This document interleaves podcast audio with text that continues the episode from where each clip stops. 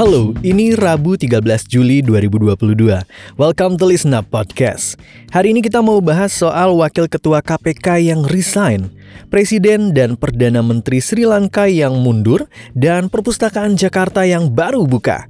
Now, let's catch up. Pertama, soal wakil ketua KPK yang resign.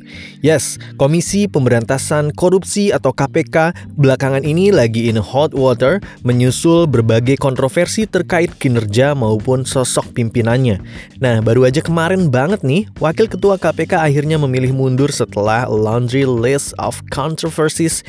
Ya, 11-12 sama Boris Johnson yang dibahas di newsletter kemarin. Jadi, beliau mengajukan permohonan mengundurkan diri kepada Presiden dan Presiden mengeluarkan keputusan Presiden yang memberhentikan yang bersangkutan terhitung 11 Juli tahun 2022 Oke, jadi cerita awalnya tuh bermula dari seorang wakil ketua KPK yang terpilih sejak 2019 sampai 2023 mendatang. Namanya Bu Lili Pintauli Siregar. Adapun Bu Lili ini emang banyak menuai kontroversi karena tindakannya yang dinilai maupun terbukti melanggar etik. Mulai dari terlibat dalam kasusnya ex wali kota Tanjung Balai, Sumatera Utara, pembohongan publik sampai dugaan gratifikasi di MotoGP yang berakhir dengan sidang etiknya KPK. Sampai sini udah kebayangkan seberapa kontroversi kontroversialnya Bu Lili ini? Yuk kita bahas detailnya satu-satu. Pertama, dari syukuran yang Ibu Lili gelar waktu pertama kali beliau terpilih sebagai wakil ketua KPK. Jadi syukurannya itu digelar di kampung halaman di Sumatera Utara di 2019 lalu. Kalau syukuran biasa ya nggak ada masalah sebenarnya ya, gengs. Cuma yang disayangkan sama para aktivis anti korupsi di sini adalah orang-orang yang diundang di syukuran itu. Karena ada mantan kabar eskrim Susno Juaji yang berurusan sama sama KPK. Menurut aktivis anti korupsi Hamdani Harahap, hal ini kontraproduktif banget sama nilai-nilai etika anti korupsi yang harusnya dijunjung para pimpinan KPK. Gak cukup sampai di situ, Ibu Lili juga sempat dilaporkan ke Dewan Pengawas KPK atas kasus jual beli jabatan yang menjerat ex wali kota Tanjung Balai, Sumatera Utara. Dalam kasus itu, Ibu Lili disebut ada komunikasi sama terpidana yaitu wali kota nonaktif Tanjung Balai, M. Syahrial. Secara kalau kode etiknya KPK, pimpinan itu nggak boleh berhubungan sama pihak yang lagi diperkarakan.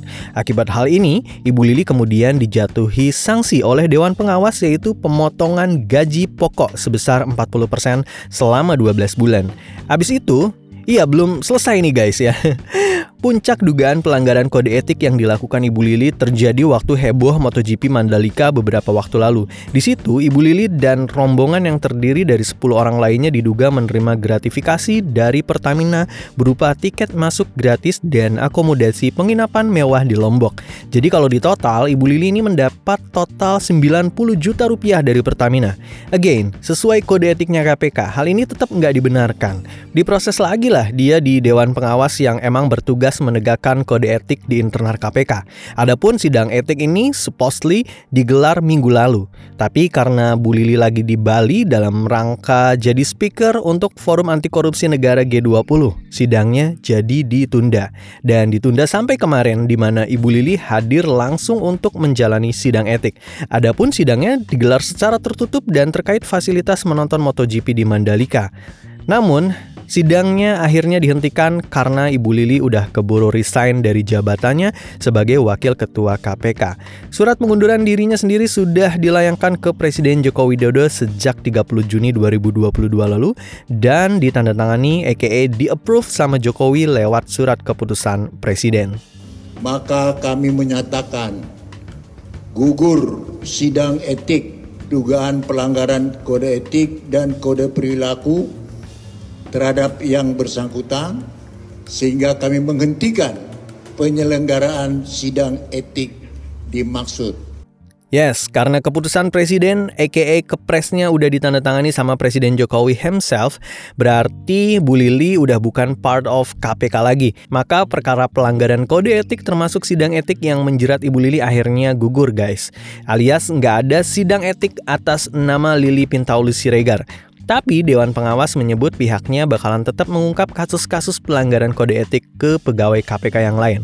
Well, karena kursi pimpinan yang ditinggalkan Bu Lili sekarang kosong, maka sesuai aturan dalam undang-undang yang berlaku, pemerintah dan DPR bakal mencari pimpinan KPK baru.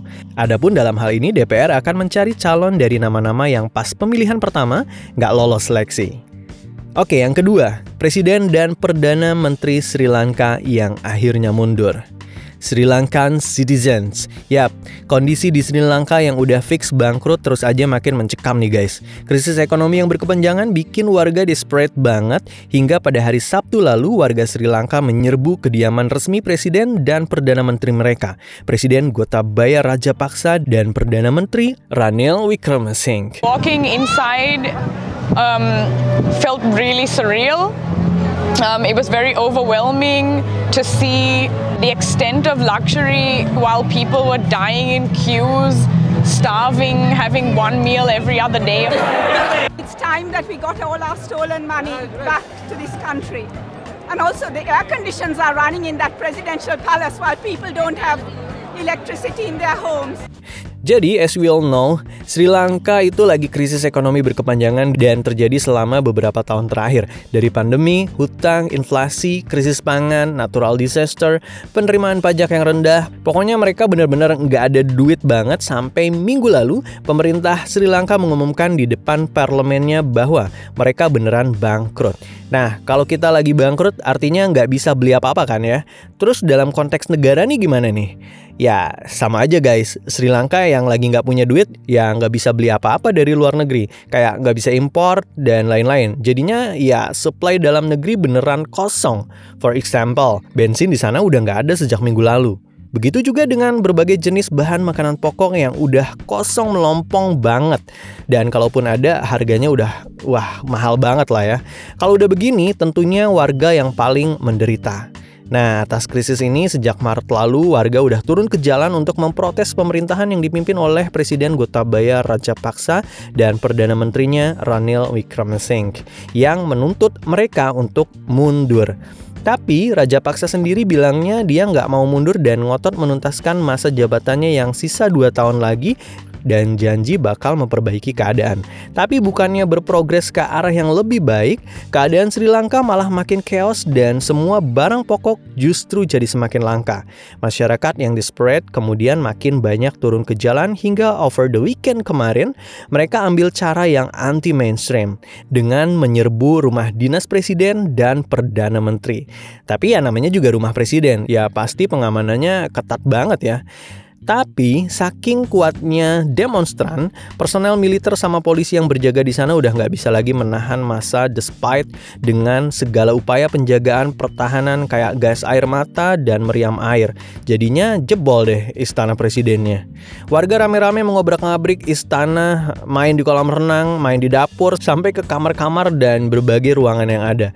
Iya, saking panasnya kondisi di Sri Lanka yang bukan cuma gara-gara cuaca, tapi juga krisis gini, warga juga sampai berenang di kolam renangnya Istana Presiden dan chill di situ guys.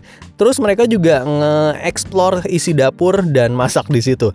Terus piknik, selfie-selfie, update status, ya rame lah pokoknya. Terus di antara demonstran juga ada yang masuk ke kamar dan mereka menemukan tumpukan uang tunai yang setelah dihitung jumlahnya mencapai belasan juta rupiah. Warga kemudian makin marah karena kondisi masyarakat justru lagi kesusahan banget. Gak cukup di situ, para demonstran dan pengunjuk rasa juga menyerbu rumah Perdana Menteri Ranil Wickremesinghe. Bedanya mereka mereka nggak menjelajah isi rumah kayak tadi guys, tapi mereka malah ngebakar rumah si Perdana Menteri. Now, with the storming of President Gotabaya Rajapaksa's home, Parliament Speaker has this message from the President. He asked me to tell the country that he will resign on the 13th of July, on Wednesday, to ensure a peaceful handover of power. Therefore, there is no need to destabilize the country any longer. Well, karena kerusuhan yang terjadi udah out of hand banget, Presiden Gotabaya Rajapaksa akhirnya gave up dan mengumumkan bakal mundur dari jabatannya pada 13 Juli. Beliau bilang bahwa pilihan untuk mundur ini demi memastikan penyerahan kekuasaan secara damai dan sebagai bentuk penghormatan terhadap hukum yang berlaku. Gitu juga sama Perdana Menteri Ranil yang memilih mundur juga guys. Dalam resignation letternya, Ranil bilang awalnya dia mau kerja keras biar nggak krisis lagi lagi. Tapi apa pun kebijakannya kayaknya nggak bakal bikin orang jadi seneng. Kecuali kalau dia mundur aja. Makanya dia mundur biar bisa mendorong pemerintahan yang baru yang terdiri dari semua partai dan bisa menuntun negara keluar dari krisis. Baik Ranil dan Raja Paksa gak ada di rumah mereka sejak sehari sebelum warga menyerbu kediaman keduanya. By the way, dengan resignnya Presiden dan Perdana Menteri, deretan partai oposisi lalu meeting untuk mengambil alih pemerintahan dan membentuk pemerintahan baru. Anggota parlemen yang berasal dari partai oposisi MA Sumantiran bilangnya partai oposisi udah berkoalisi dan udah mengumpulkan sebanyak 113 anggota. 113 orang inilah yang cukup banget untuk membentuk suara mayoritas di parlemen dan membentuk masa depan baru untuk Sri Lanka. Ketiga, perpustakaan Jakarta yang baru buka. Pada hari ini, Kamis 7 Juli 2022, Perpustakaan Jakarta dan Pusat Dokumen Sastra HP Yasin secara resmi dinyatakan dibuka. Yap, Jakarta sekarang punya public space baru guys.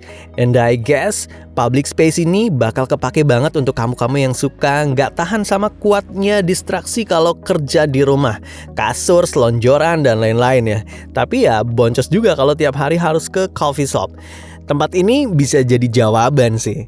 Everybody, this is Perpustakaan Umum Taman Ismail Marzuki. Letaknya ada di Cikini, Jakarta. Perpus ini tuh baru banget diresmiin lagi sama Pak Anies minggu lalu guys. Kamu pastinya juga bisa baca banyak buku dong. Koleksi buku di sana sendiri aja ada sebanyak 138 ribu gengs. Yang terdiri dari buku-buku umum, buku anak, sama koleksi kejakartaan yang relevan dan dibutuhkan sama masyarakat sekarang. Gak cuman itu, di sana juga ada working space-nya gitu, lengkap dengan colokan yang banyak dan wifi yang kenceng. Terus kan perpusnya buka jam 9 nih. Kalau kamu mau berkunjung ke sana, kamu harus registrasi dulu di websitenya atau juga bisa datang langsung asal kuota pengunjungnya masih ada. Adapun kuota pengunjung yang ditetapkan sebanyak 300 orang. Kalau lebih ya waiting list. Selain perpustakaan, Pak Anies juga meresmikan Pusat Dokumentasi Sastra HB Yasin di Taman Ismail Marjuki juga. Pak Anies sih bilangnya kedua tempat ini diharapkan bisa jadi refleksi perpustakaan di masa depan yang menarik minat generasi generasi baru untuk datang dan berkegiatan. Demikian Snap hari ini, sampai ketemu hari Jumat.